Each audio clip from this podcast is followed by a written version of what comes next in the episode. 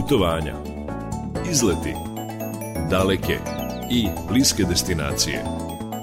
Četiri strane sveta na jednom mestu. Peta strana sveta. 16 časova i 7 minuta vi slušate Radio Novi Sad i još jedno izdanje emisije Peta strana sveta. Znamo četiri strane sveta, zadate su, a mi pet ubiramo sami. U kom ćemo pravcu? E, to je već sad šta ćete slušati dakle u narednih dva sata koliko ćemo biti zajedno. Pred kraj godine obično se podvlače e, crte i izbiraju cifre i lepo je reći da je turistička sezona u Srbiji prošla sjajno. E, e, lepo je i to kada to kažu zvaničnici, kako je bilo to u Vojvodini, a kako u Novom Sadu, saznaćete sve ako ostanete sa nama. E, prethodnih dana e, izletnici koji su išli put Temišvar imali su problema na granici. Šta se tačno desilo, a kako su buduće ponašati? Pitali smo Aleksandra Seničića, direktora Jute. On je imao dobre savete na šta sve treba biti spreman kada se putuje. I onda smo želeli da znamo, da istražimo nešto tu oko nas, nećemo ići na daleke destinacije, zadržat ćemo se e, tu, pa da kažemo u Vojvodini, e, na primjer doći ćemo u priči do Pančeva, jer je uh, interesantna priča ispričana, a sve zbog jedne makete, i to tvrđave, koju izradio arhitekt Aleksandar Stanojlović i priča tako počne, pa prođe kroz istoriju, pa nam se objasne neke stvari i prosto drugačije gledamo svet oko nas. Naravno, to nije sve. Otišli smo malo opet u priči samo do Švedske i Laponije. Hteli smo, želeli smo malo snega i leda. Idu praznici, prosto treba to nekako klopiti, prizvati te lepe čarolije zimske. A onda ćemo saznati i gde su najlepši recimo ukrasi jer taj ambijent praznični jeste svetlucav. Kako naći najlepši svetlucavi, um, najlepši svetlucavi detalj i oplemeniti na kraju krajeva i svoj dom, saznaćete ako ostanete sa nama. A onda smo svratili malo i do Beča, kažu tamo je posebno zanimljivo pred praznike. Uh, na što se troše novci uh, pred praznike? Kakvi su to pokloni? Možda dobijemo ideju neku. Sve to još po nešto na talasima Radio Novog Sada. Još jednom vas pozivamo, ostanite uz nas.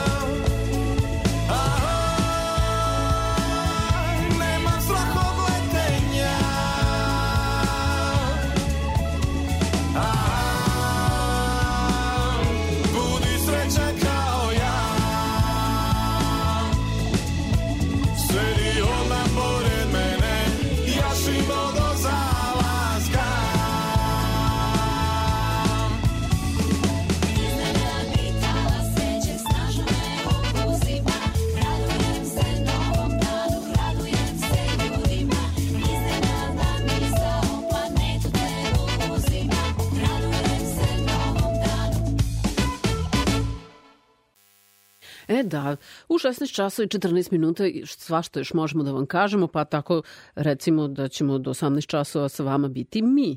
Mi smo uh, Sijuč Aleksander, Srđan Nikolić, Branislava Stefanović, Nevena Ćuk, a tu sam ja, Ivana Drapšin-Šurković. Da, pa bitno je da budemo zajedno. Nećemo se grejati jer je sasvim prijatno. 13 stepeni u gradu Novom Sadu baš u ovom trenutku. I sad ako krećete na put, možda nije loše da znate situaciju na drumovima. Ili da budemo precizni, dosta se danas priča o situaciji na granicama, pa recimo na Batrovcima, ukoliko ulazite u Srbiju iz Hrvatske, dakle, e, čekat ćete. Na to treba biti spreman. E, a trenutno, ja gledam u kameru e, koja je baš postavljena na granici, sedam kolona, ali kreću se na prolazima za ulazak u našu zemlju. E, može da se desi da malo čekate i na gradini, ali to nije strašno. Šta, se, šta je još zanimljivo?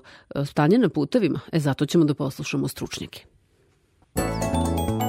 Izveštaj iz Automoto Saveza Srbije. Pozdrav iz operativnog centra Automoto Saveza Srbije. Neradni božićni i praznični dani po gregorijanskom kalendaru u zemljama zapadne Evrope donose pojačan saobraćaj na našim autoputevima, a kada tome dodamo i početak posljednjeg vikenda u ovoj godini, tada smo sigurni da će saobraćaj biti pojačan na svim putevima, što će doneti duže vreme zadržavanja na ulaznim putničkim terminalima naših najfrekventnijih graničnih prelaza sa Mađarskom i Hrvatskom. Iz tog razloga postignut je i sporazum između naših i mađarskih vlasti o produženom radnom vremenu prelaza Bačke Vinogradi, koji će do 15. januara biti otvoren od 7 do 22 časa, a prelaz Bajmuk je otvoren od 7 do ponoći. Na Horgošu su trenutno zadržavanja na izlazu iz Mađarske između 2 i 3 sata. Prema informacijama dobijenih od uprave granične policije, popunjen je među prostor do naših ulaznih terminala, što produžava vreme zadržavanja za još oko 60 minuta. Na ostalim našim prelazima sa ovom zemljom zadržavanja su oko 45 minuta, ali dodajte i vreme koje se provodi na mađarskim rampama. Na Kilebi je trenutno duže od 90 minuta. Na prelazu Batrovci sa Hrvatskom zadržavanja su oko 3 sata na izlazu iz Hrvatske, a do 60 minuta čeka se i na našim ulaznim terminalima. Na prelazu Šid trenutno zadržavanja su oko sat vremena sa hrvatske strane, ali će se i ovo vreme tokom dana sigurno menjati i biće u porastu. Koristite manje granične prelaze sa ovim zemljama i na tim graničnim prelazima će se sigurno brže i proći. Prema informacijama javnog preduzeća Putevi Srbije, više saobraćajnih nezgoda je bilo i na donici autoputa između stare i nove pazove, takođe u smeru ka Beogradu, zbog toga je saobraćaj i na ovim donicama usporen. I danas se saobraćaj odvija samo preticajnom trakom u vremenu od 9 do 16 časova zbog radova na popravci oštećenih deonica kolovoza na autoputu između naplatne stanice Beograd i naplatne stanice Mali Požarevac u smeru ka Nišu, pa i na ovoj deonici aktualna usporeno odvijanje saobraćaja. Još jednom podsjećamo da vožnju i brzinu prilagodite pojačanom saobraćaju, magli i uslovima puta. Poštujte sve saobraćajne propise, a posebno ograničenja u brzini. A ukoliko vam zatreba pomoć na putu, naš operativni centar i telefon 1987 su vam uvek na raspolaganju. Iz Automoto Saveza Srbije javlja se Jovica Mitić, vozačima želimo srećen put. Vremenska prognoza za putnike. Nekom srećom putu, neko dobrodošlica na talase Radio Novog Sada. Sa nama Mijedrog Stojanović, naš omiljeni meteorolog. Halo! Dobar dan. Pa lep je dan, to možemo reći, ako je baš sad u ovom satu zabeleženo 12 stepeni, neobična situacija. Što smo Pa, bliži o- novoj godini, ono sve topli. Pa malte ne da je tako. Pa- Ali nije 12, 13 je stepeni. Evo, ja sad gledam Republički hidrometeorološki i s momenta u momena 12,3, to je 12. To je 12 jeste, ali to, to su automatske stanice kojima se još uvijek ne veruje. Da se njima veruje samo onda bi bile one, a ne bi bile ove druge. A pa dobro, ne bi bili ljudi koji bi onda sabrali sve, podvukli crtu i rekli svoje. A zato mi zovemo vas. Tako je, ja onda objasnim. Sve, sve u svemu. Nebo jako lepo izgleda, zalazak je u toku, Jeste. dakle i roza i svetlo plavo i vidi Jeste, se i- sunce i- koje tone. I nagoveštava da će biti na oblačenju toku E. noći. Da, Jeste i da može da bude neke slabe kišice. dobro, ok, prihvatili smo to. A ujutru, sutra, preko dana? Sutra oblačno, povremeno slaba kišica, vetar zapadni, severozapadni, onako slab do umeren i temperatura od 6 stepeni, koji, to će biti u ranim jutarnjim satima kad će biti najniža i najviše dnevno oko 12 stepeni. Šest stepeni deluje kao najviša dnevna, a ne najniža, ali dobro, nećemo se buniti. Dakle, 12 stepeni u subotu, 12 u nedelju, u ponedeljak Jeste. 15 za promenu. Jeste, malo, to, tih 15 stepeni, to uvek dolazi e, i, i u zimskim ovaj, uslovima nagoveštalo da će biti neka promena vremena, da će biti nekih padavina i ostalog. Jer uvek pred, pred taj hladni front najđe ovaj, priliv toplog vazduha dole sa juga, jugo, jugozapada i onda se desi te temperature. Da. Pa dobro, možda nećemo ići na skijanje, ali pa šta ćemo onda? Boga mi nećemo koliko ja vidim. Da, ne, nema ništa. Ja ne znam kako rade o- o- ovi tamo što bacaju sneg, ove, ove veštački sneg, koliko to rade, ali obzirom da su ove temperature Teško. kakve jesu, mislim da ni to ne može da pomogne. Nema poslednji, poslednji podaci su da, da je na, na Kopalniku 2 stepena. Pa, Znači, strašno. nema šanse da... Nema Evo sad ja šanse da- gledam, Sjenica 5. Tako je, to, Pa to je osam čak je Crni vrh, crni vrh 4 u ovom trenutku. Da, u ovom trenutku, da, da, da. A već, Dosta dakle, veče pada, trebalo bi da je značajno niža Pa sad će malo i da padnu, ali, ali, ali kasno za sneg. Za sneg to više, da, danas je bilo Da. dosta sunca. Pa dobro, Jeste. uvek treba naći neki dobar način da se ljudi zabave. Pa, ne znam šta će to biti, ako mislili smo skijanje i sankenje, ali ništa. A Pa da li možda sledeći vikend? Sledeći vikend? Da li mnogo može? daleko. Je li? Mnogo daleko. O, imamo samo jedno prolazno uh, u utorak na sredu i posle toga opet se vraćamo na temperature koje nisu primerene ovom godišnjem dobu. Dobro, e, prilagodit ćemo se postojećem, nećemo mnogo tražiti. Za sad smo se- tako. Pa Ivane, mi smo se prilagodili na gore stvari. Ovo, ovo, ovo ćemo ovako. Pa i Samo to je da- tačno. Pa da. Hvala vam puno što ste ovog popodneva bili sa nama. Molim, čujemo Prijetan se. dan, prijetan vikend. Takođe, E, takođe. biće a, lepo, a e, lepo vreme, e, ipak to ne znači da treba da ostavimo šal, kapu i rukavice. Može da se šete po prirodi, ipak postoje još neke opcije. Izuzev ako ne odete do Švedske, recimo, gde recimo neki ledeni hotel koji je već napravljen i, i gde mogu da se dožive prave e, sve zimske radosti. A umeđu vremenu, ostanite sa nama, tek malo ćemo da zasviramo, a onda da se preslišamo o voucherima i drugim temama.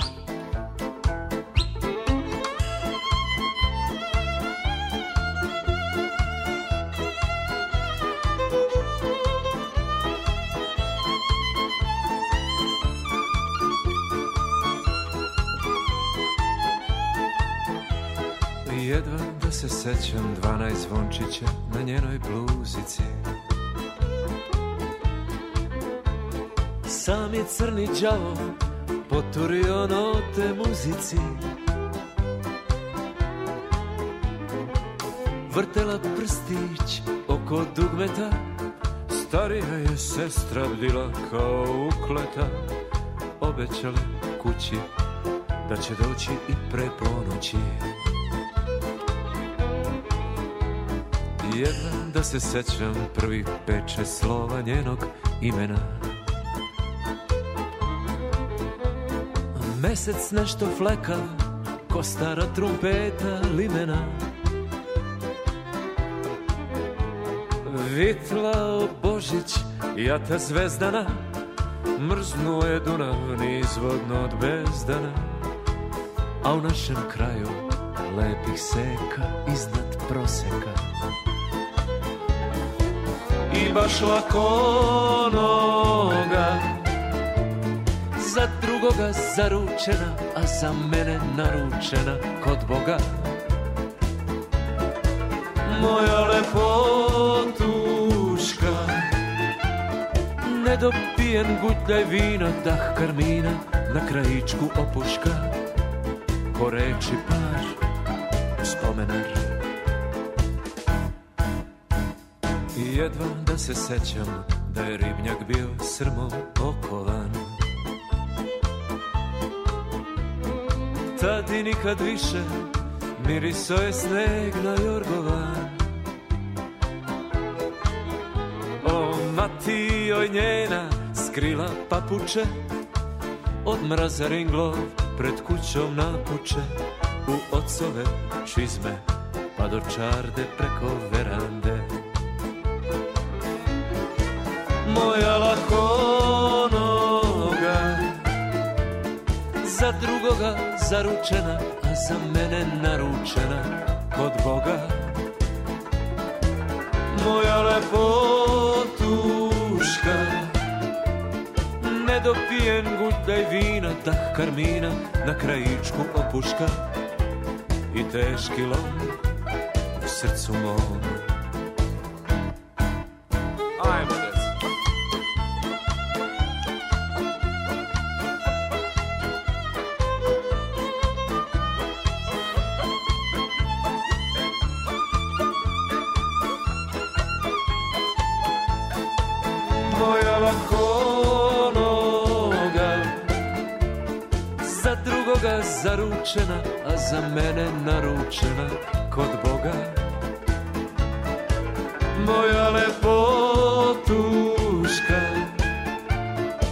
Nedopijen gutljaj vina, dah karmina na krajičku opuška.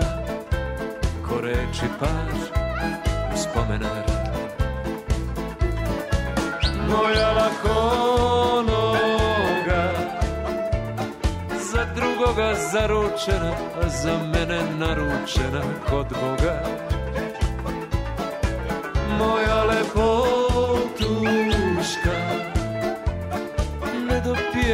Gutljaj vina, dah karmina na krajičku opuška I teški lom u srcu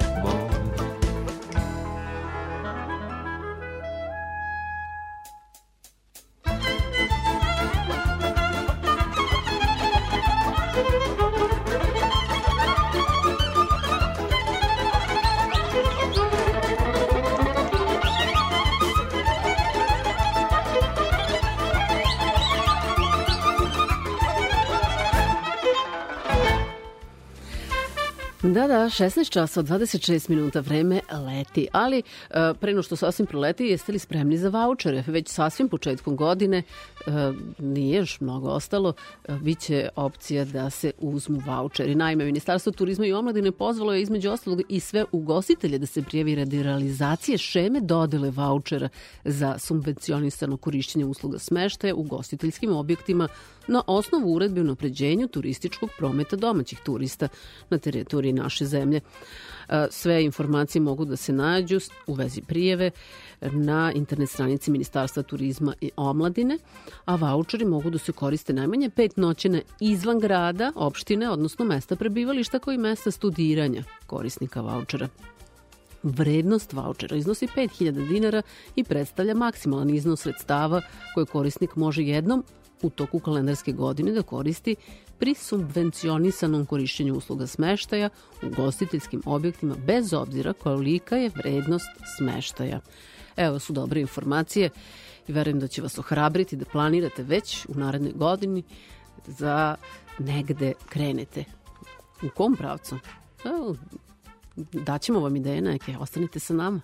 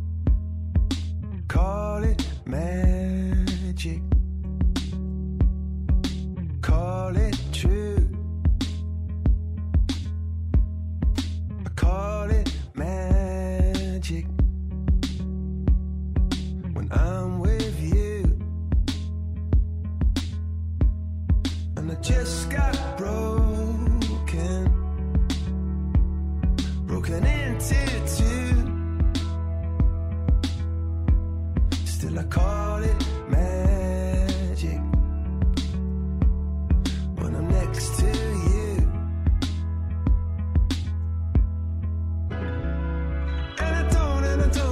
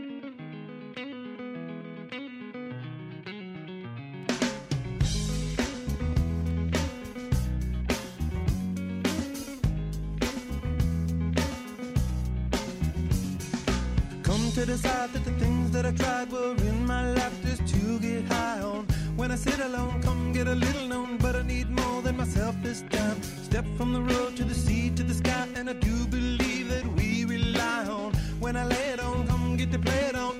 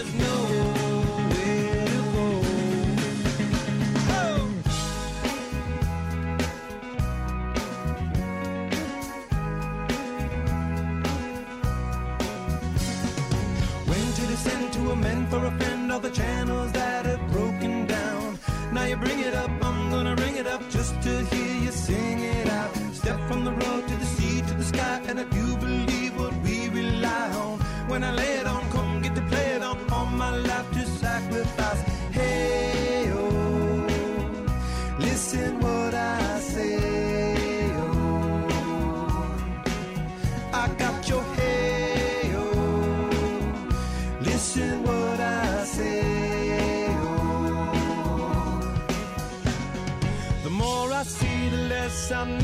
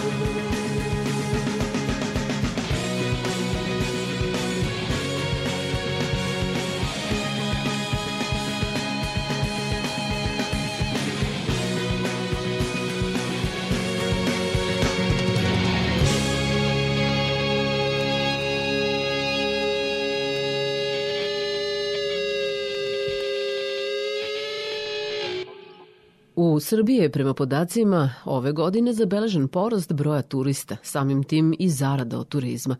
Da li to znači da je i u Vojvodini situacija zadovoljavajuća? Pitali smo Milicu Šušnjić iz turističke organizacije Vojvodine. Jeste, prema podacima, zvaničnim podacima Republičkog zavoda za statistiku za prvih e, 10 e, meseci ove godine, ukoliko ove podatke uporedimo sa 2019. godinom, koja je bila rekordna po broju dolazaka i noćenja turista u Vojvodinu, dolazimo do saznanja da je došlo do porasta dolazaka u iznosu od čak 24%, dakle u odnosu na rekordnu 2019. godinu i porasta broja noćenja u iznosu čak 41% u odnosu na tu rekordnu 2019. godinu. Dakle, na osnovu dosadašnjih e, podataka zaključujemo da će ova godina zaista biti rekordna po broju dolazaka i noćenja turista u e, Vojvodinu i dakle beleži se pozitivan trend e, turističkog prometa u Vojvodini. Ono što želim da kažem jeste da je korona svakako uticala da se promene navike turista. Turisti se sve odlučuju za individualna putovanja, biraju destinacije koje se nalaze u ruralnim sredinama, takođe se odlučuju i za odmor u prirodu, a takođe i poslovanje e, turističkih subjekata je sve više prilagođeno savremenim zahtevima tržišta i okreće se ka digitalnim tehnologijama. Koje su to bile najtraženije destinacije u Vojvodini? U prethodnom periodu svakako Novi Sad beleži veliko povećanje broja dolazaka i noćenja. Novi Sad kao evropska predstavnica kulture, dakle u ovoj godini, što je svakako doprinelo rastu dolazaka u ovaj grad.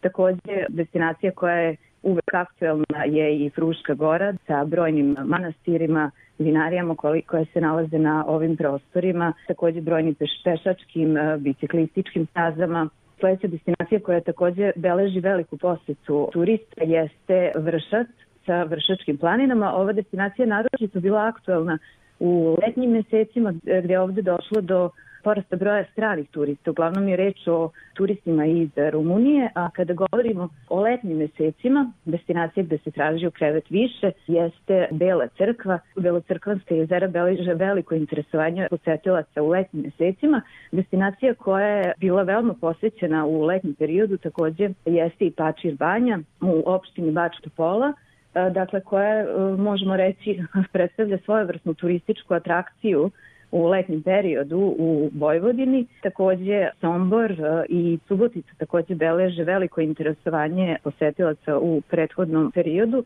U Somboru je naročito bilo veliko interesovanje za gornje podunavlje, kao što sam e, na početku rekla, turisti se okreću ka prirodi, biciklizam je naročito bio interesantan, brojne biciklističke staze koje se nalaze upravo u ovom području Vojvodine. Hvala vam puno, Milica.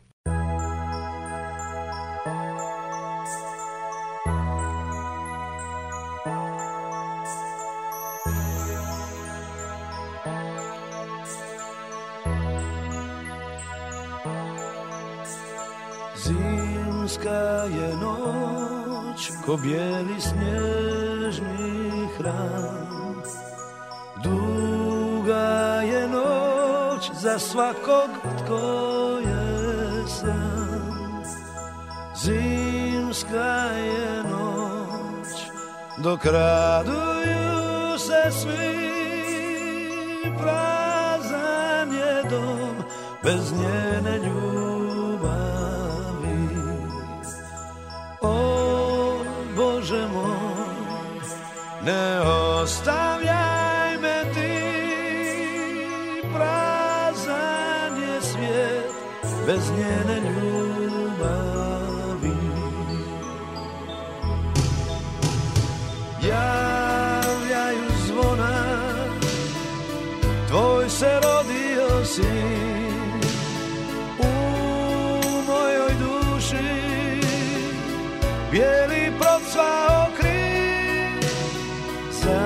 Zasjala noć, ozvijezdilo je sve. Badnja je noć, al više nema nje. Zimska je noć, dok raduju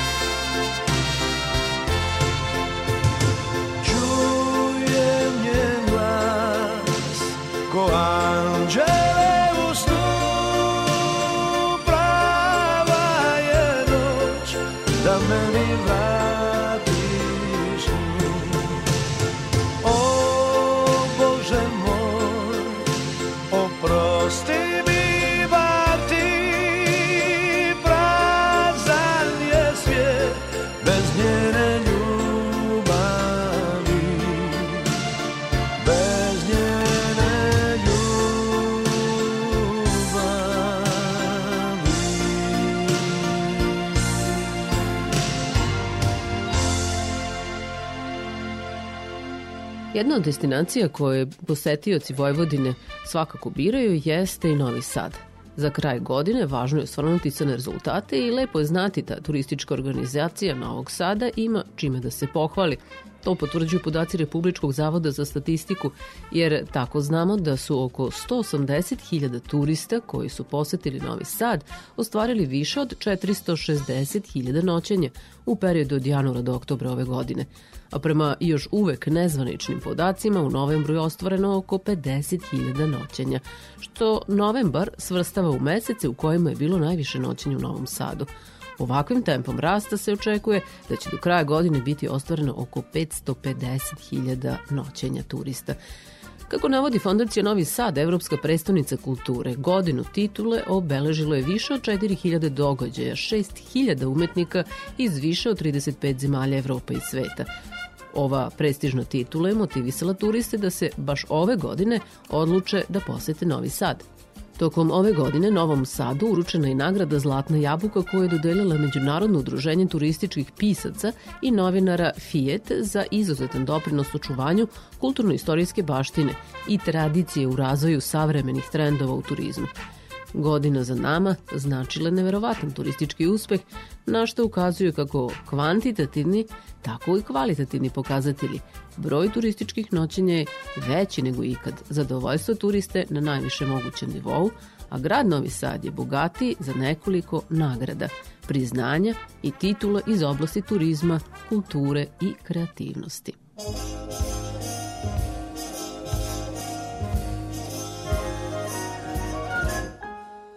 Sleigh bells ring, are you listening? In the lane, snow is glistening. A beautiful sight, we're happy tonight. Walking in a winter wonderland. Gone away is the bluebird, here to stay is a new bird. Sing a love song while we stroll along walking in a winter wonderland. In the meadow we can build a snowman. We'll pretend that he is Parson Brown. He'll say, I am married, we'll say, no man.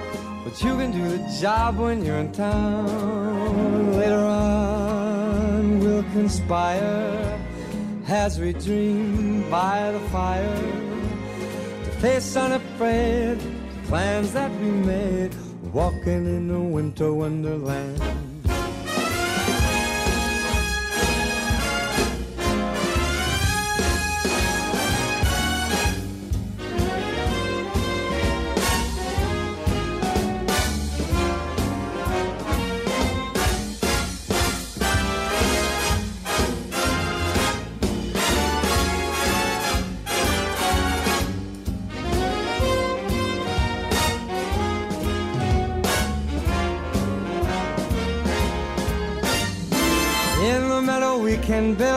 Snowman. We'll pretend that he is Parson Brown. We'll say, Are you ready? We'll say, No, man. But you can do the job when you're in town. Later on, we'll conspire as we dream by the fire. The face unafraid, the plans that we made, walking in a winter wonderland, walking in a winter wonderland, walking in a winter wonderland.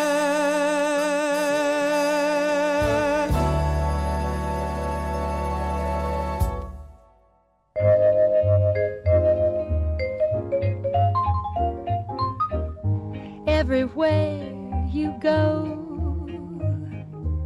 Sunshine follows you everywhere you go. Skies are always blue. Children love you, they seem to know. You bring roses out of the snow. The whole world says hello. Everywhere you go. Cheeks like the roses, teeth like the pearl, eyes with the heavens blue. You made me love you. I'm in a world. You wonderful, marvelous, beautiful girl. Everywhere you go. Sunshine follows you. Everywhere you go. Skies are always blue. Children love you, they seem to know. You bring roses out of the snow. The whole world says hello. Everywhere you go. Children love you, they seem to know. You bring roses out of the snow. The whole world says hello.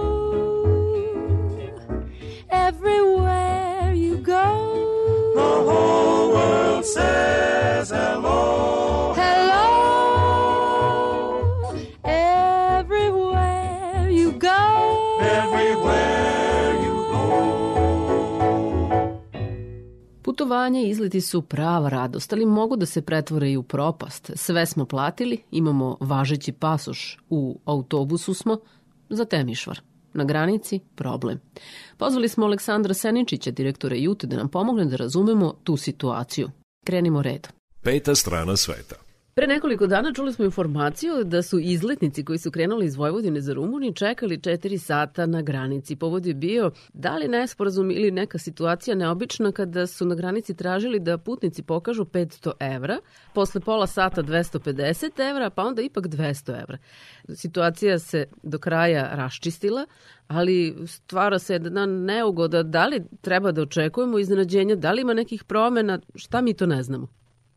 Mi znamo uglavnom sve, dakle i mi i putnici znamo sve, dakle ovo nije uobičajena procedura e, kad govorimo o nekoj zvaničnoj proceduri koja je uspostavljena za ulazak ne samo u Rumuniju, nego obzirom da je Rumunija u članstvu Europske unije, dakle i sve zemlje Europske unije imaju manje više identičan e, protokol za ulazak i prelazak preko granice. Dakle, ovde se radi o jednoj samovolji e, te smene carinika, da to tako nazovemo najbližim rečima, gde su oni odredili neka pravila koja, eto, možemo da kažemo da su njihova pravila bila. Očigledno ljuti ili iznervirani što tako veliki broj ljudi bio, a prema informacijama koje sam ja imao u tom trenutku na graničnom prelazu je bilo više od 20 autobusa naših turista, uglavnom izletnika koji su želeli da taj jedan dan provedu u Temišvaru.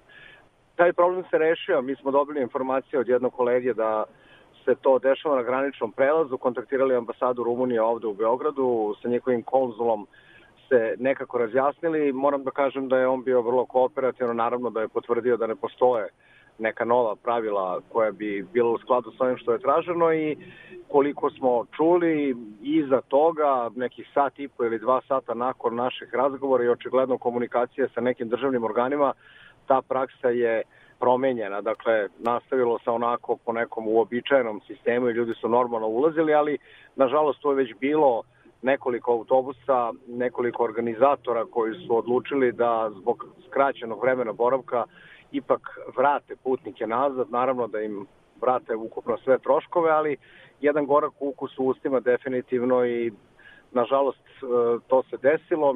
Smatram da nema razloga da očekujemo da će tako nešto da se dešava u, budu, u buduće, iako moram da napomenem kad god putujemo u inostranstvo, a i drugi kada dolaze u Srbiju, e, odluke graničnih službenika, pre svega carinika, se ne dovode u pitanje, dakle oni jednostavno mogu da urade sve ono što smatraju da je potrebno da bi zaštitili ulazak u neku zemlju.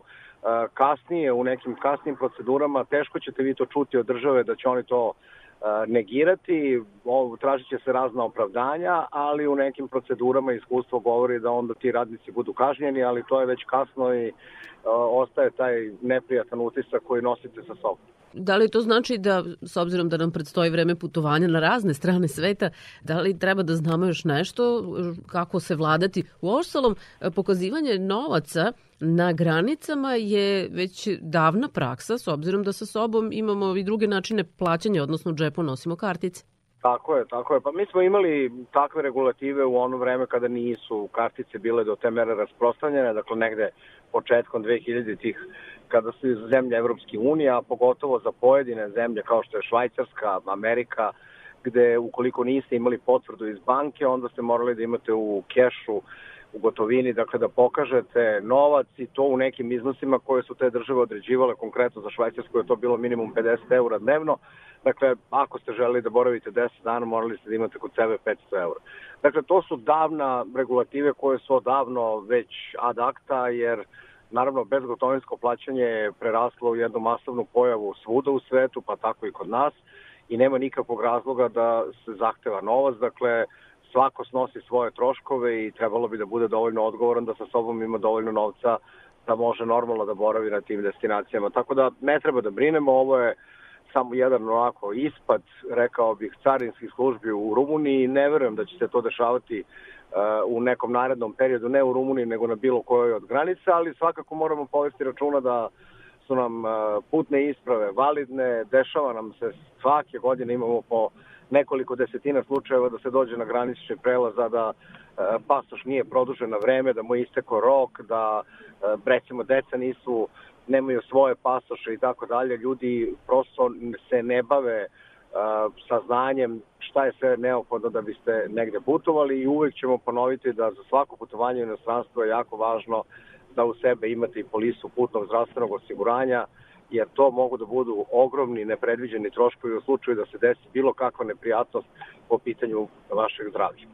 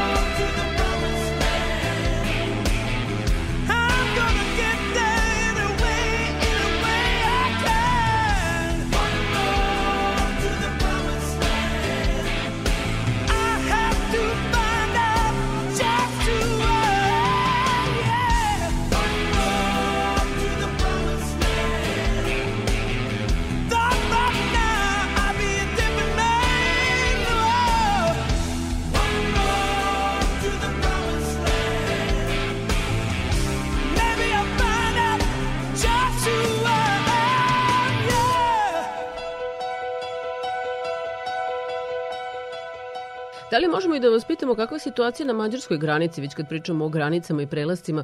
Dosta često se putnici žale da treba biti strpljiv, pa kad krenemo, pa istići ćemo. Pa to je tačno, ali mi imamo problem na glavnom graničnom prelazu na Horgošu i na još nekim prelazima, pogotovo u doba godine kada ako su to letnji raspusti ili u ovo doba Božića kada veliki broj ljudi gravitira ili prema Mađarskoj ili iz Mađarske ka Srbiji.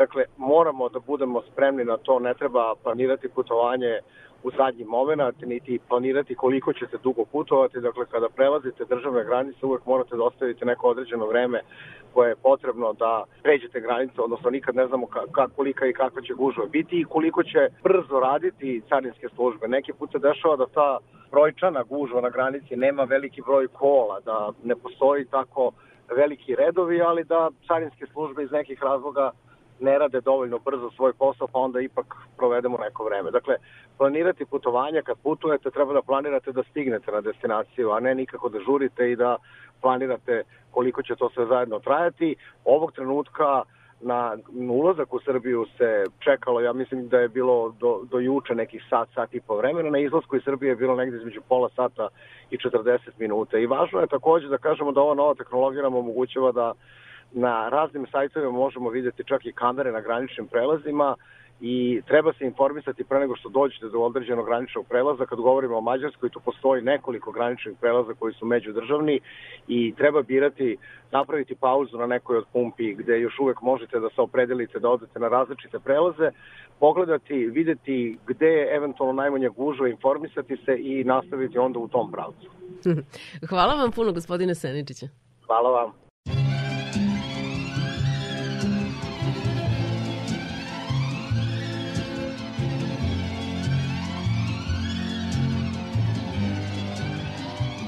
This magic moment. So different and so new was like any other until I kiss you, and then it happened. It took me by surprise. I knew that you felt it too by the look in your eye, sweeter than wine softer than the summer night. Everything I want, I have. Whenever I hold you tight, this magic moment, while your lips are close to mine, will last forever. Forever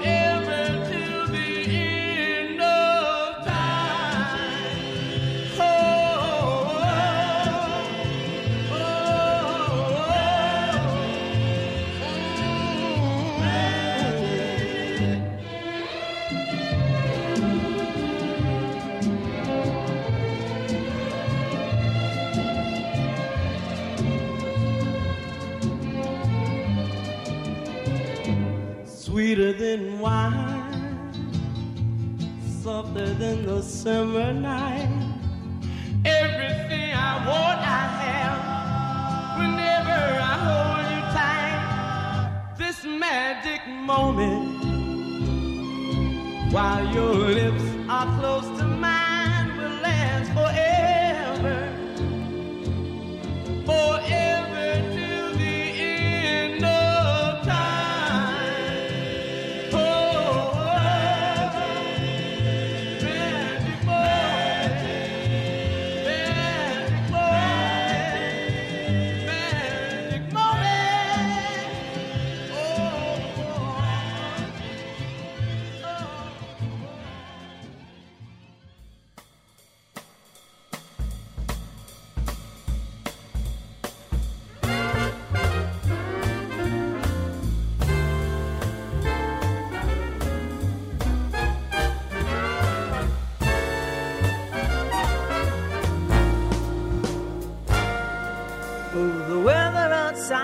frightful, but the fire is so delightful.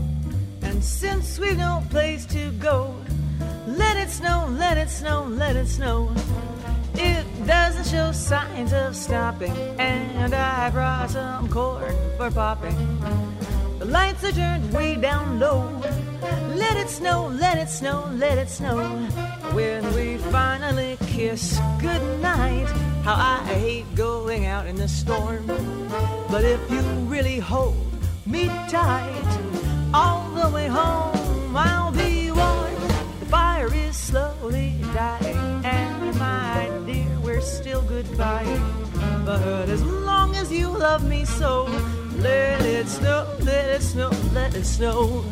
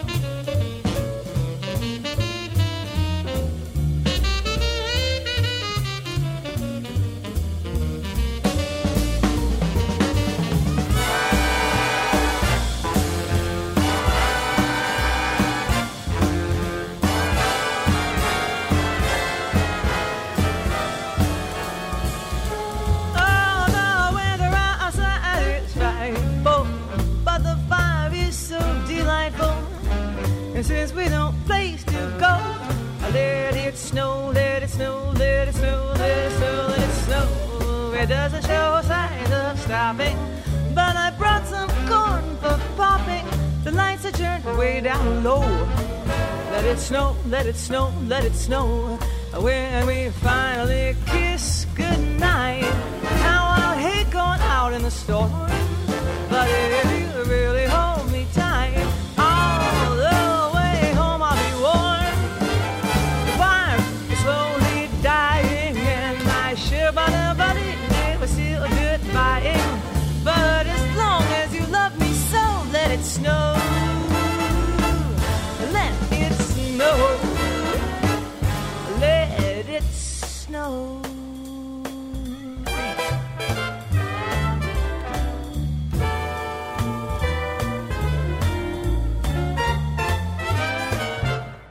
Let it snow. Let it snow. Let it snow.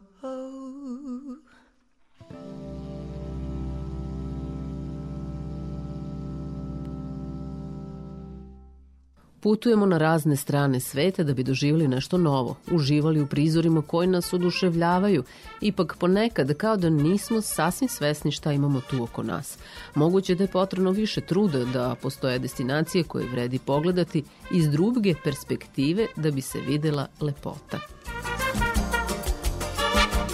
Da li znate da je Pančevo nastalo na temeljima tvrđave podignute početkom 18. veka, za vreme Habsburške monarhije, koja je u velikoj meri odredila izgled današnjih gradskog jezgra.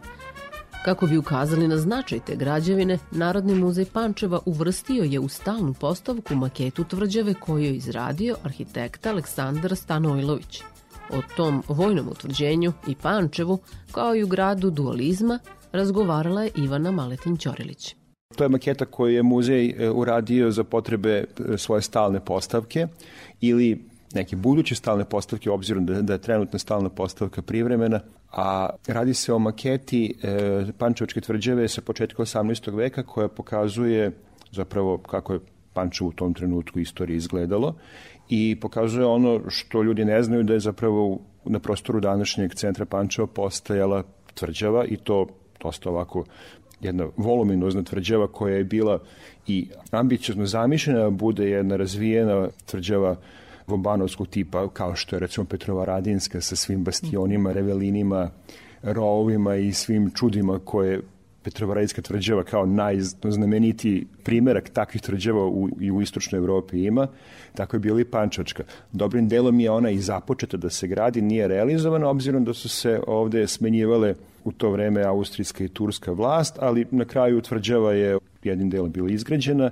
Neke zgrade iz tog perioda su opstale do danas i to je zapravo tema da, da pokažemo gde je bila tvrđava, da li smo na jedan planu na kojem prikazujemo tlocrt tvrđave paralelno sa današnjim stanjem, da bi sa današnjim planom grada, da bi ljudi mogli da se identifikuju, da tačno mogu da prepoznaju kuda su išli bedemi i gde su bile gde bi su bile trase tih bedema i odnosno gde je bila njena pozicija da bi mogli prosto da se identifikuju. A veliki broj ulica u centru grada danas kao posledicu svojih trasa vuče zapravo prilagođavanje to, toj tvrđavi. Tako da imamo jednu zanimljivu petogonu tvrđavu. Koja je bila uloga Pančevačke tvrđave i šta je definisalo njen izgled? Kada je građena, tada je Pančevo bio pogranični grad i Petrovaradin je bio pogranični grad i Beograd je bio pogranični grad, ali sa druge strane i sva ta utvrđenja duž Dunava su imale upravo tu ulogu da brane nešto od nekoga, kogod, a pošto su se baš u to vreme vojske i, carstvo smenjivala, bilo je jako nemirno, to je bila uloga naravno svih tih tvrđava.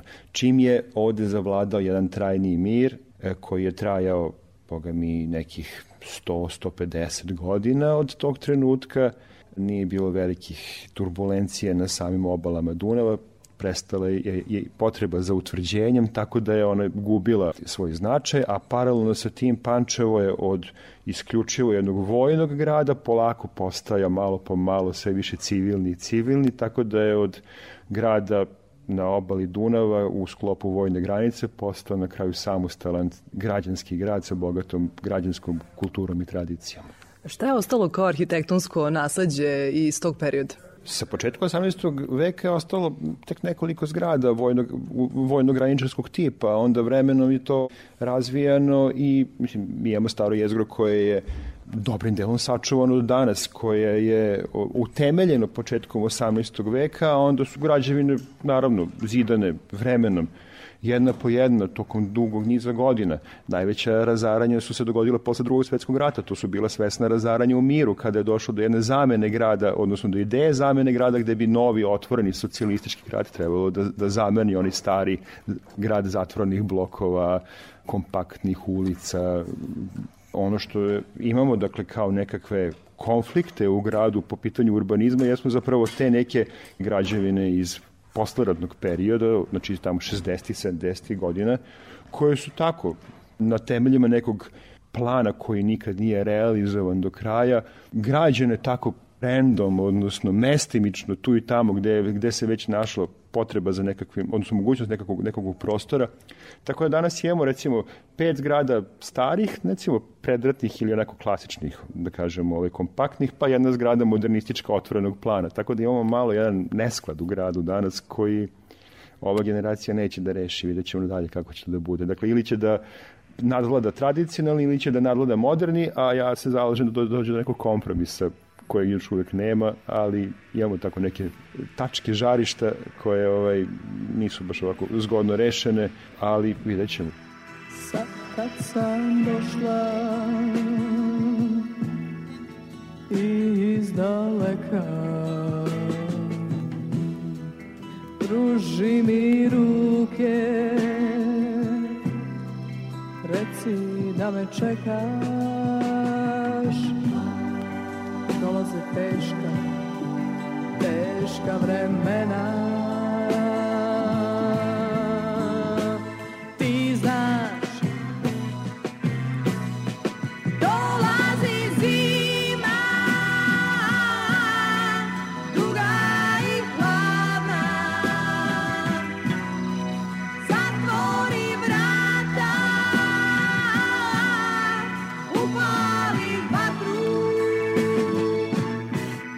Pada prvi sneg.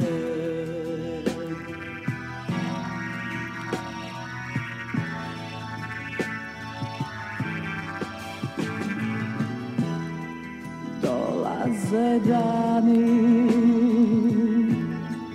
ledenih kiša Nečije lice gubi se u magli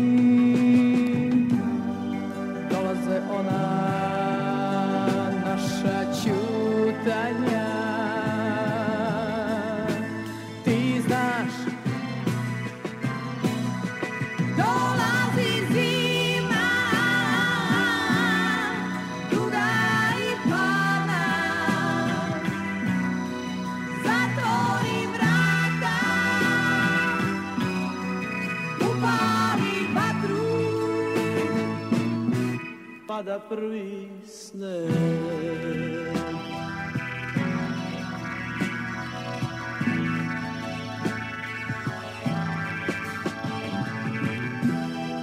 Niz pusto polje U mračna jutra.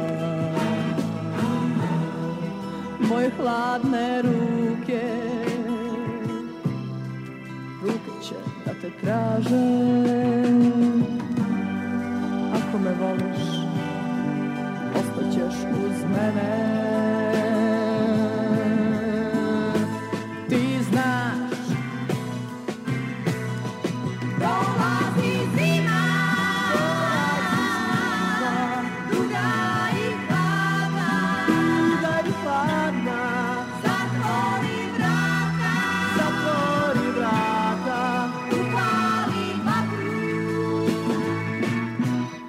Pada prvi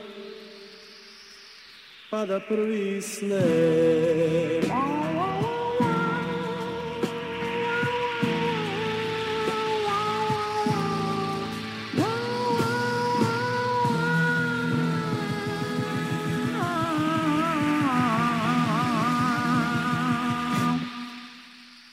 Centralno gradsko jezgro u Pančevo je pravi arhitektonski biser. Koji su simboli današnjeg grada i da li grad vodi računa o svom arhitektonskom nasledđu?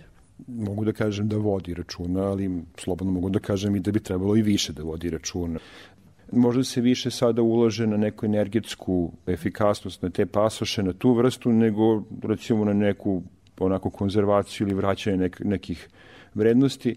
Sa te strane grad onako relativno u ovih deseta godina onako stoji, stagnira. Više fasada obnovljeno u prvim godinama ovog novog milenijuma, dakle posle 2000. godine, tada je, pošto je grad tada baš bio prilično musav, tada je dobar deo zgrada i osvežen, znači fasade su obnovljene, ali sada mislim da, da zvanična politika ima više neku viziju nekakvog razvoja industrije ili nekakvih perifernih delova, tržnih centara, možda ta neka vrsta komercijalnih nekih sadržaja. Iz ugla struke, koje građevine u Pančevu najbolje definišu duh grada? Uspenska preobraženska crkva od pravoslavnih, manastir Vojlevica koji je malo izvan, to je od pravoslavnih građevina, od hramova, dakle Rimokatolička crkva Sveto Karla, tu je evangelička crkva koja nije više aktivna, nažalost, bila je sinagoga, izuzetna građevina koja nažalost nije, nije preživela, ona je srušena i veoma mi je žao. Zbog toga ta sinagoga je bila po svojoj veličini lepotu u rangu subotički novosadske sinagoge. Ali, eto, mislim, čudom su ove dve velike preživele do danas, obzirom da su najveći broj drugih sinagoga nije dočekao današnji dan. Onda bih pomenuo građevin industrijskog nasleđa na obali Tamiša kao nekakve simbole gde se ljudi snažno identifikuju. Tu su prvenstveno pivara, svilara, svetionici na ušću. Pitali ste mi za simbole. To su dva svetionika na, na, na po jednoj strani e, Tamiša svaki, oni su identični i oni zapravo imaju tu neku ulogu jedne simbolične kapije. Kada iz Dunava ulazite u Tamiš, vi zapravo iz jedne bure ulazite u jedan miran život. To je kao neka prilike ovako, neka dublja, malo ovako poetska simbolika tih svetionika a paralelno sa tim su dva zvonika Uspenske crkve, dakle sve tako nekako duplo, odnosno dualno i tu Pančevo ima jednu zanimljivu ulogu, inače kao jednog ovako dualnog grada gde je istovremeno predstavlja i grad na granici i grad koji nije na granici i grad koji je industrijski, a opet je komotan za život i zelen dovoljno, a s jedne strane onako dovoljno razvijen da se kaže da je, da je grad opet malo i ovako provincijalan, tako da taj dualizam na raznim nivoima se pojavljuje na više mesta, a ja volim da te građevine predstavim kao simbole grada, upravo kad, kad imamo nešto, nešto puta dva, konačno i mi smo dvojne ličnosti, pa i onda i to ima neke veze s tim.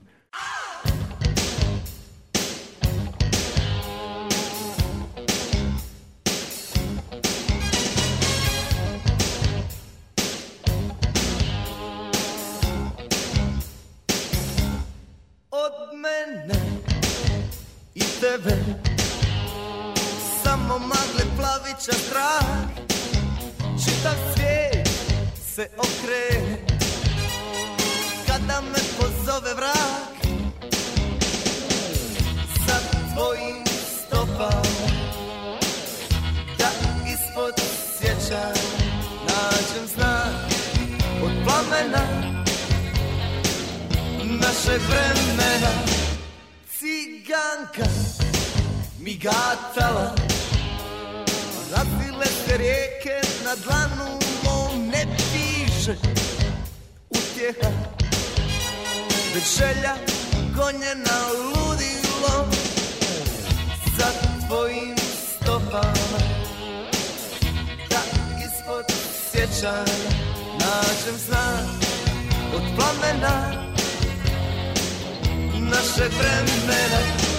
Čarolija kad prestane i prašina sna nestane mojim zvijezdama. Sam Bog zna luda nada još je ostala. Čarolija kad prestane i prašina sna nestane. U mojim zvijezdama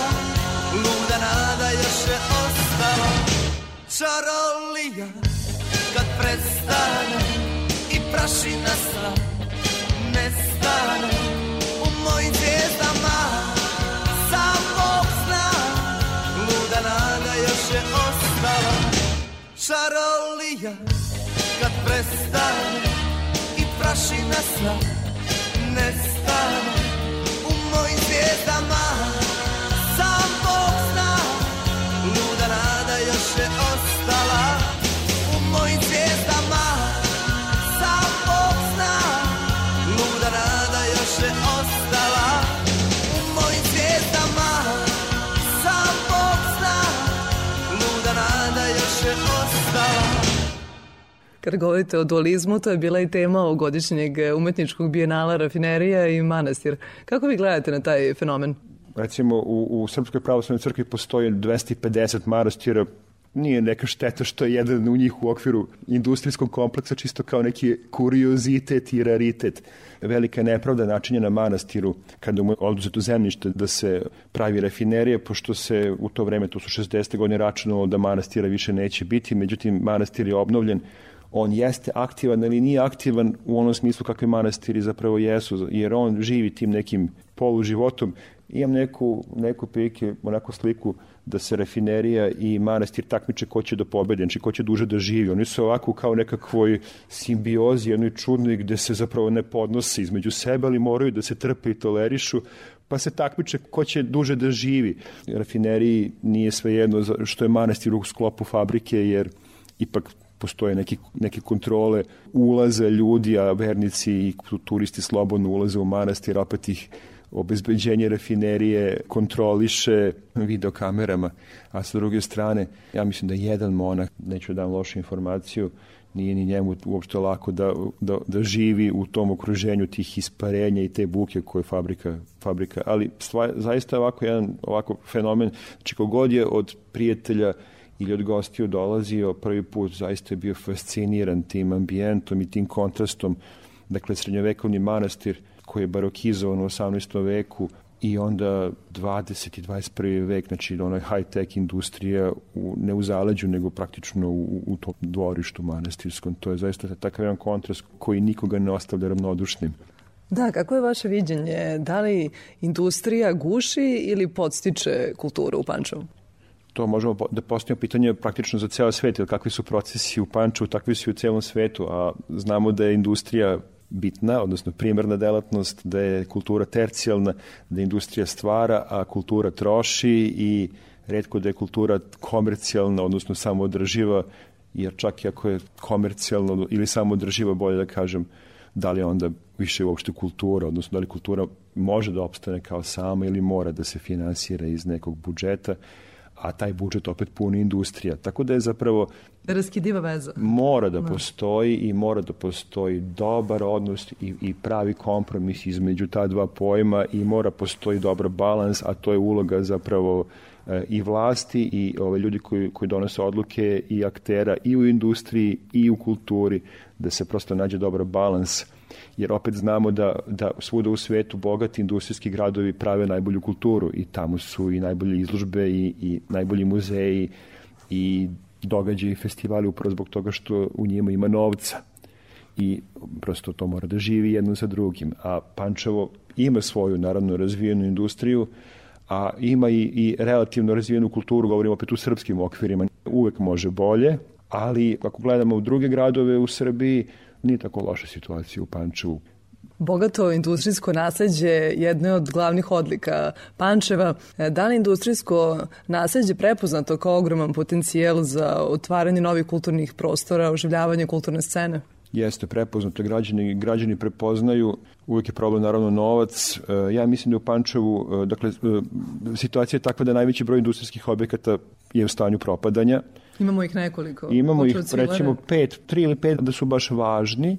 Svilara se obnavlja, ali se obnavlja za turističke i komercijalne svrhe. Ovi ostali koji su ovaj, u gradu, pošto su manje više svi pod režimom zaštite, onda su i pod strogim režimom obnove, a niko ne želi da ulože novac u nešto što mora da izgleda tako i vrlo malo ima slobode da to bude nekako drugačije. Pančevo zaista ima veliki broj starih napuštenih fabrika i magacina, posebno duž obala Dunava, koji, slobodno mogu da kažem, da imaju ulogu stvaranja jednog ambijenta, odnosno ambijentalne celine. I da su one- Scenografije filmske.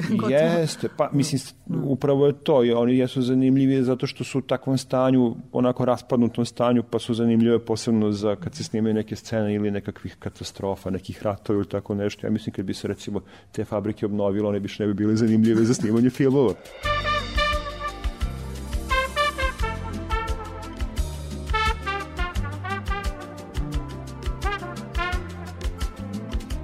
Naselja su nicala i rasla, proširivala se i prekrajala, ne čineći uvek lepšu sliku, ali ako znate gde da gledate, možete se iznenaditi. Jedan od zanimljivih prizora je svakako izložba tragom nasleđa, ornamenti, zaboravljeno lice grada, otvoreno juče u maloj galeriji Narodnog muzeja Pančeva. Posetioci tu imaju priliku da vide originalne elemente plastike skinute sa objekata u Pančevu, čuvene štabske zgrade, hotela Sloboda i jedne porodične kuće koja ove godine navršava 120 godina postojanja. Izložene ornamente prati deo arhive snimljene u toku restauracije. Izložba je autorski koncept Svetlane Korović-Deranić, čija je ideja podizanje svesti o očuvanju kulturnog nasleđa Pančeva. It's a kind of magic. It's a kind of magic. A kind of magic. One dream, one soul, one prize, one goal, one golden glance of what should be. It's a kind of magic. One shaft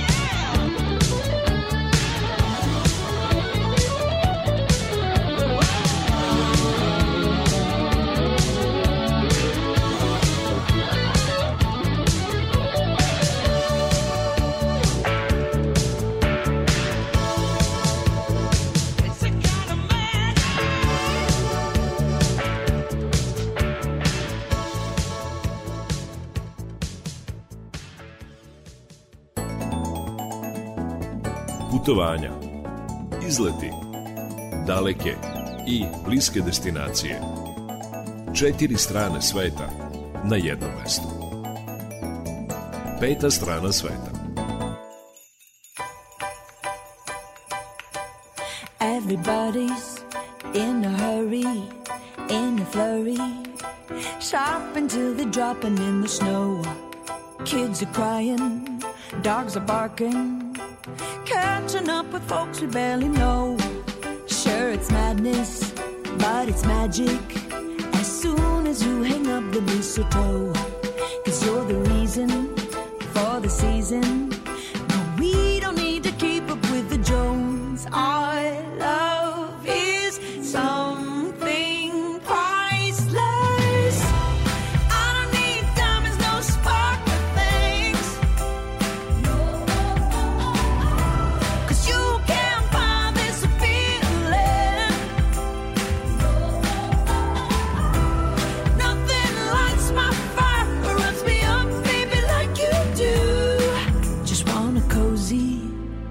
cozy little Christmas here with you. So, Mr. Santa, take the day off, get a massage, cause we got this one all under control. A little whiskey, a little whiskey. we're getting frisky, and so dancing tonight, King Cole. No, we ain't stressing, just caressing, mm-hmm. warming up our popsicle toes. Nothing's missing, cause you're a blessing. Yeah, you're the only one I'm wishing for. Our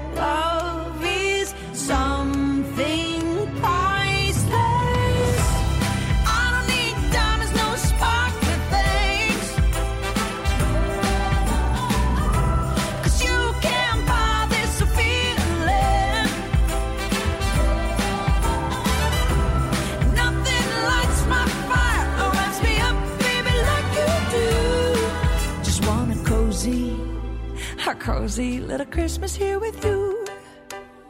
I don't need anything. Take back all the Cartier and the Tiffany's and the Chanel. Well, can I keep that Chanel? Please? No, no, no, no.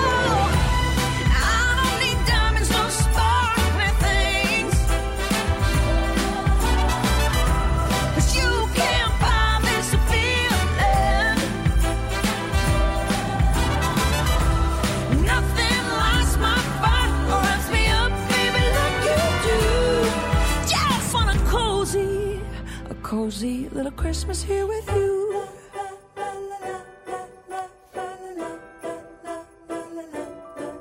Just you and me under a tree. A cozy little Christmas here with you. I hate that I remember. I wish I could forget what you did last December.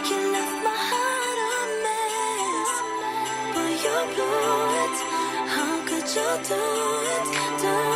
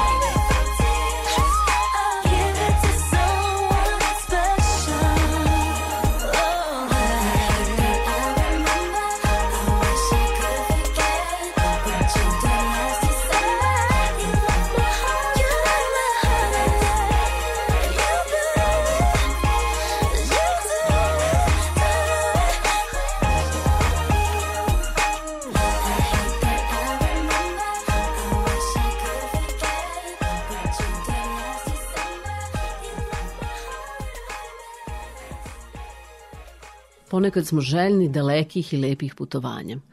Hajde da krenemo, recimo, put švedski. Već u novembru, kada temperature počne da padaju, aurora borealis počne da pleše iznad glava, ledeni hotel u Jukasjarvi počinje da dobija oblik. Da budemo određeni, to je u Švedskoj, Laponiji, 200 km severno od arktičkog kruga. Hotel postoji koliko je i hladno zimsko vreme, dakle, s proleća se sve topi i slije u reku Torn, odakle se materijal za građevinu i uzima. To je ujedno i zimska galerija gde umetnici u ledu iz celog sveta imaju priliku da se pokažu, naravno dok traje zimska sezona. Ledeni hotel ima 12 apartmana sa temama i 24 jednostavne sobe. A čime se turisti mogu da se zanimaju u Jukasjarvi, selu koji ima 900 stanovnika i jedan ipak pravi hotel. Postoje brojne aktivnosti koje su na raspolaganju. Jurnjava na sankama sa psećim pogonom, pecanje u ledu, vožnja motornim sankama, hodanje na skijama, a možete i sami da se iskušate u pravljanju skulptura u ledu. Posle aktivnosti na snegu, uživanje prepustiti se opuštanju u tradicionalnoj sauni. E, sad kad ste sve čuli, možete uz fini čaj da se i sami opustite do duše bez saune, snega i leda uz Radio Novi Sad.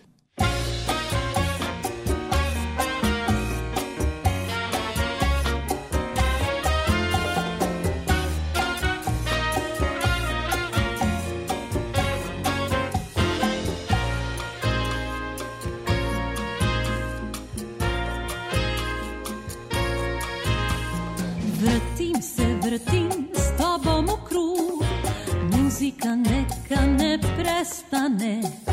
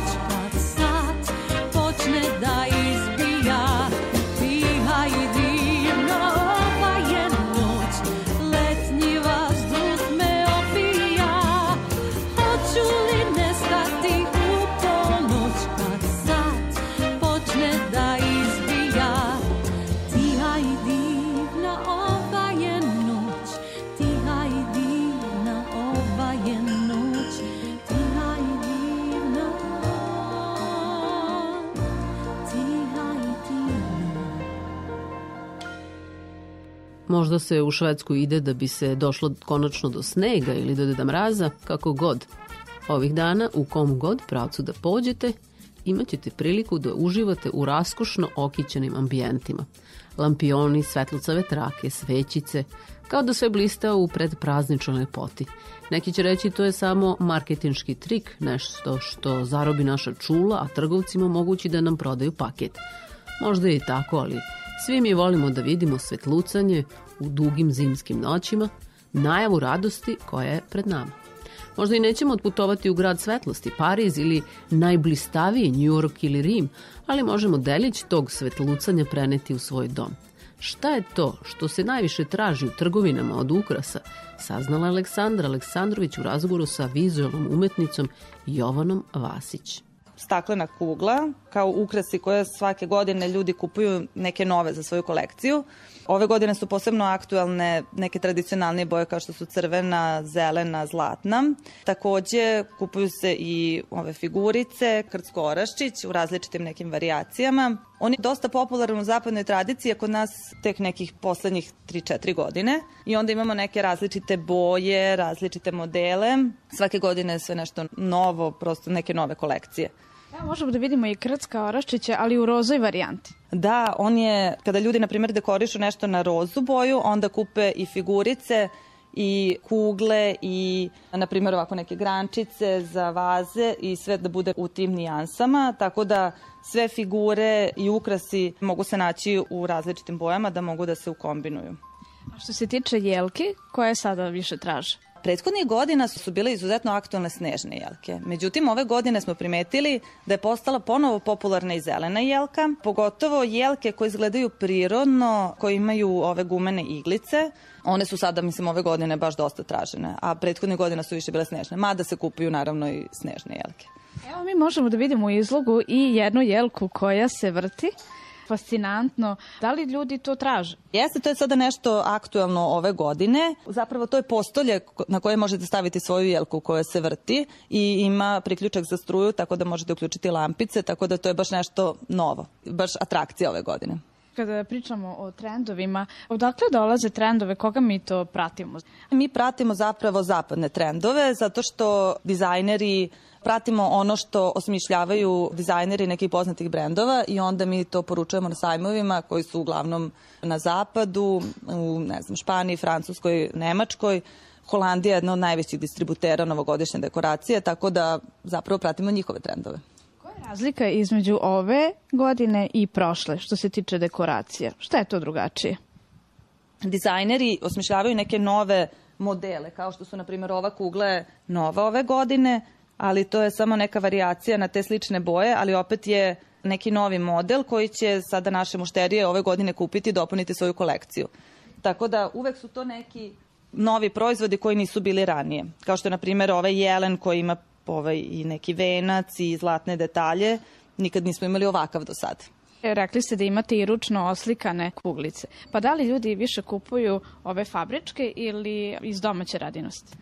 Pa mi imamo i neke proizvode iz domaće radinosti, ali u principu i ovo su, na primer, proizvedene staklene kugle koje su delom ručno oslikane, tako da nisu unikat, mislim unikatne su u nekom smislu što je svaka drugačija za nijansu. Mislim da je nekako atraktivnije možda nešto što je ipak ručno rađeno. Evo, rekli ste da vam najbolje ide prodaja tokom zime. Pa jeste, zato što je zato što mi imamo baš veliku ponudu novogodišnje dekoracije i mislim da ljudima kada dođu ovaj naš prostor, ne znam, maštovito i simpatično što dođu i da razgledaju, pa onda nešto i kupe. Kao da smo u nekom drugom svetu, odmah je proradila ta praznična euforija, zaista je bogata ponuda i ono što privlači jeste to što šljašti, sija se i prosto imate u ponudi različite boje. Pa jeste, da, te neke novogodišnje grančice i e, različite figure, jelke i lampice, rasvetu, tako da sve to daje onako doprinosi toj novogodišnjoj atmosferi, gde se svi nekako osjećaju toplo i opušteno i onda zapravo iz tog razgledanja nešto ih i privuče da kupe sebi da potpune svoju kolekciju. Evo za kraj, pošto ste vi vizualna umetnica, šta biste to savjetovali e, našim gledaocima, kako, koje boje da ukombinuju za tu neku prazničnu euforiju? Nas obično pitaju šta se sa čim uklapa i slično, a ja volim nekako da to bude niz nekih različitih ukrasa koji možda i ne moraju da budu toliko uklopljeni striktno u boji, tako da nekako neka ih svaki ukras podsjeća na neki period ili neku godinu kada su ga kupili. Jovana, hvala vam. Nema na čemu, hvala vama.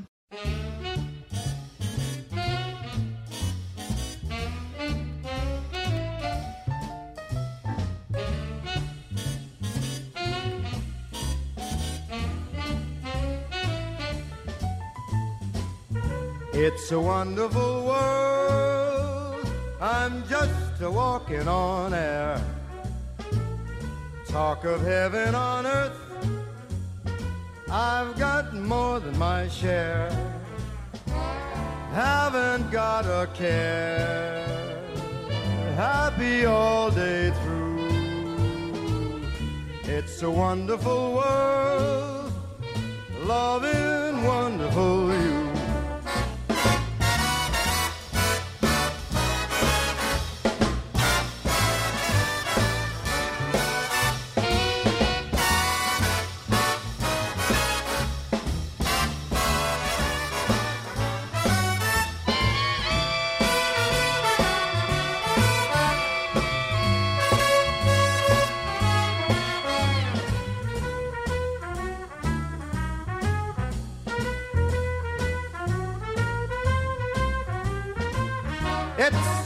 Wonderful world.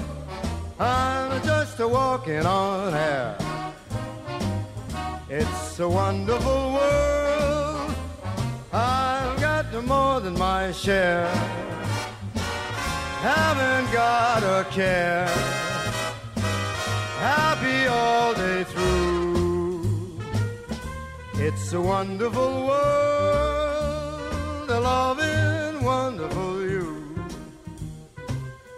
It's a wonderful world, a loving, wonderful you.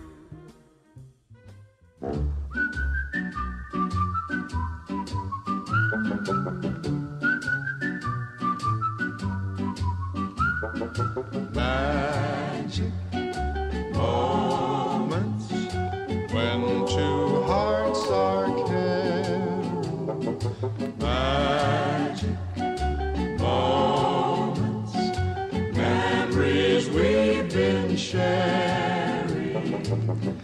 I'll never forget the moment we kissed the night of the hayride. The way that we hugged to try to keep warm while taking the sleigh ride. Magic moments, memories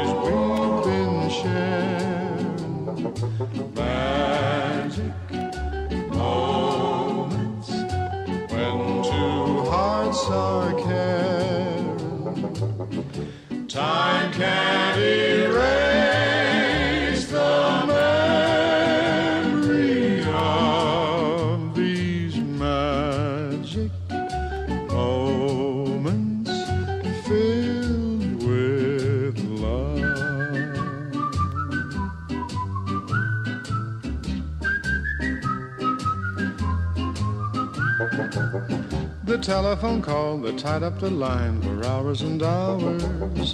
The Saturday dance, I got up the nerve to send you some flowers. Magic moments,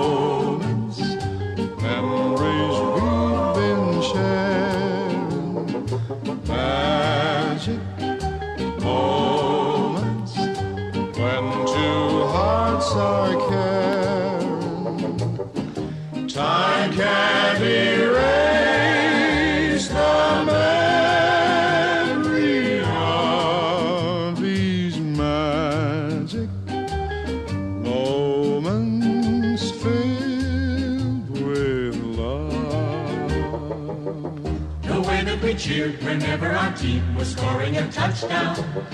The time that the floor fell out of my car when I put the clutch down.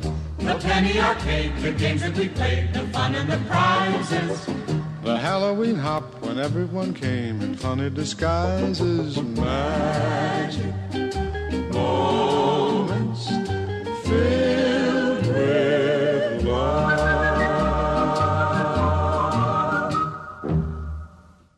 Uvek je pitanje kuda otputovati baš oko nove godine. Negde da je najsvetlucavije. Mi smo odabrali da u priči bar krenemo put Beča. Zanimljive su informacije koje stižu iz tog pravca. Prema podacima Privredne komore Beča, građani austrijske prestonice uprkos stezanju kajša nisu odustali od kupovine poklona za Božić. Do duše ove godine se više gledaju cene i pažljivije kupuju pokloni. Ovogodišnja prosečna potrošnja na božićne poklone od oko 330 evra po kupcu je ispod potrošnje u predkriznoj 2019. godini kada je svaki kupac potrošio 50 evra više. Zanimljivo je na što se novac troši. To su najpre knjige, kozmetika, potom kozmetika, pa nakit i stvari za domaćinstvo. Vaučeri su takođe veoma popularni, a najviše se uzimaju vaučeri za robu i za usluge, kao što su wellness, putovanja i karte za pozorište. Ne moramo da putujemo daleko, ali možemo da dobijemo ideje, jer praznici su zaista pred nama.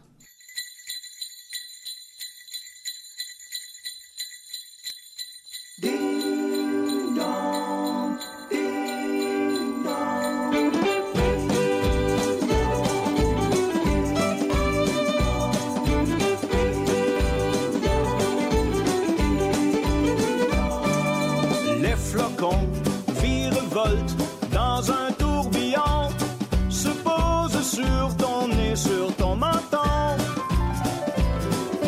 L'hiver a déposé son soyeux tapis blanc, bonhomme de neige sourit aux passants.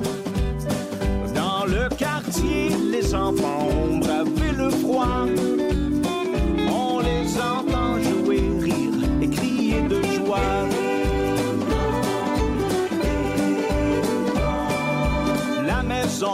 Pour l'occasion, a pris des airs de fête. Myriade de bougies ornent ses fenêtres. La rambarde et l'escalier se sont endimanchés de guirlandes et de couronnes décorées. Comme si le ciel lui offrait son voile de diamants. Ses soleils d'or et ses étoiles d'argent. La magie de Noël est enfin de retour. La magie de Noël est enfin de retour.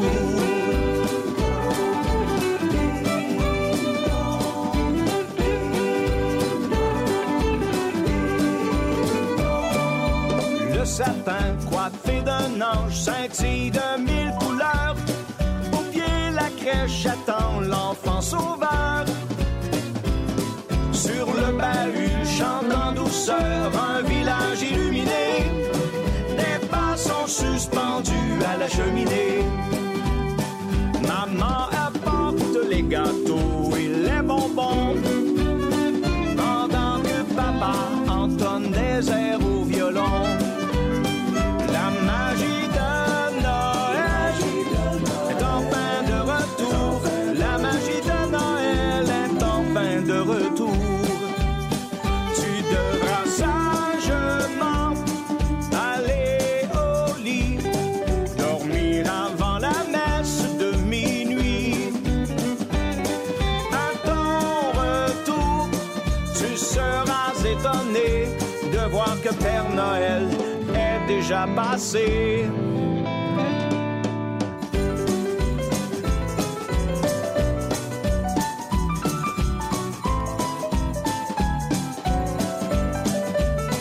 Ton cœur sera rempli de bonheur et d'émoi en voyant les cadeaux qu'il a laissés pour toi.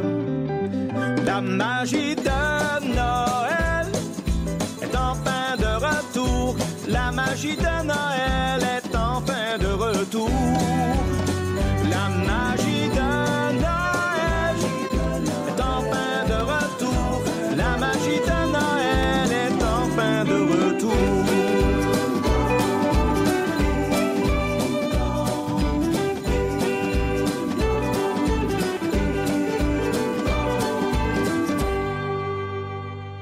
Slušali ste emisiju Peta strana sveta.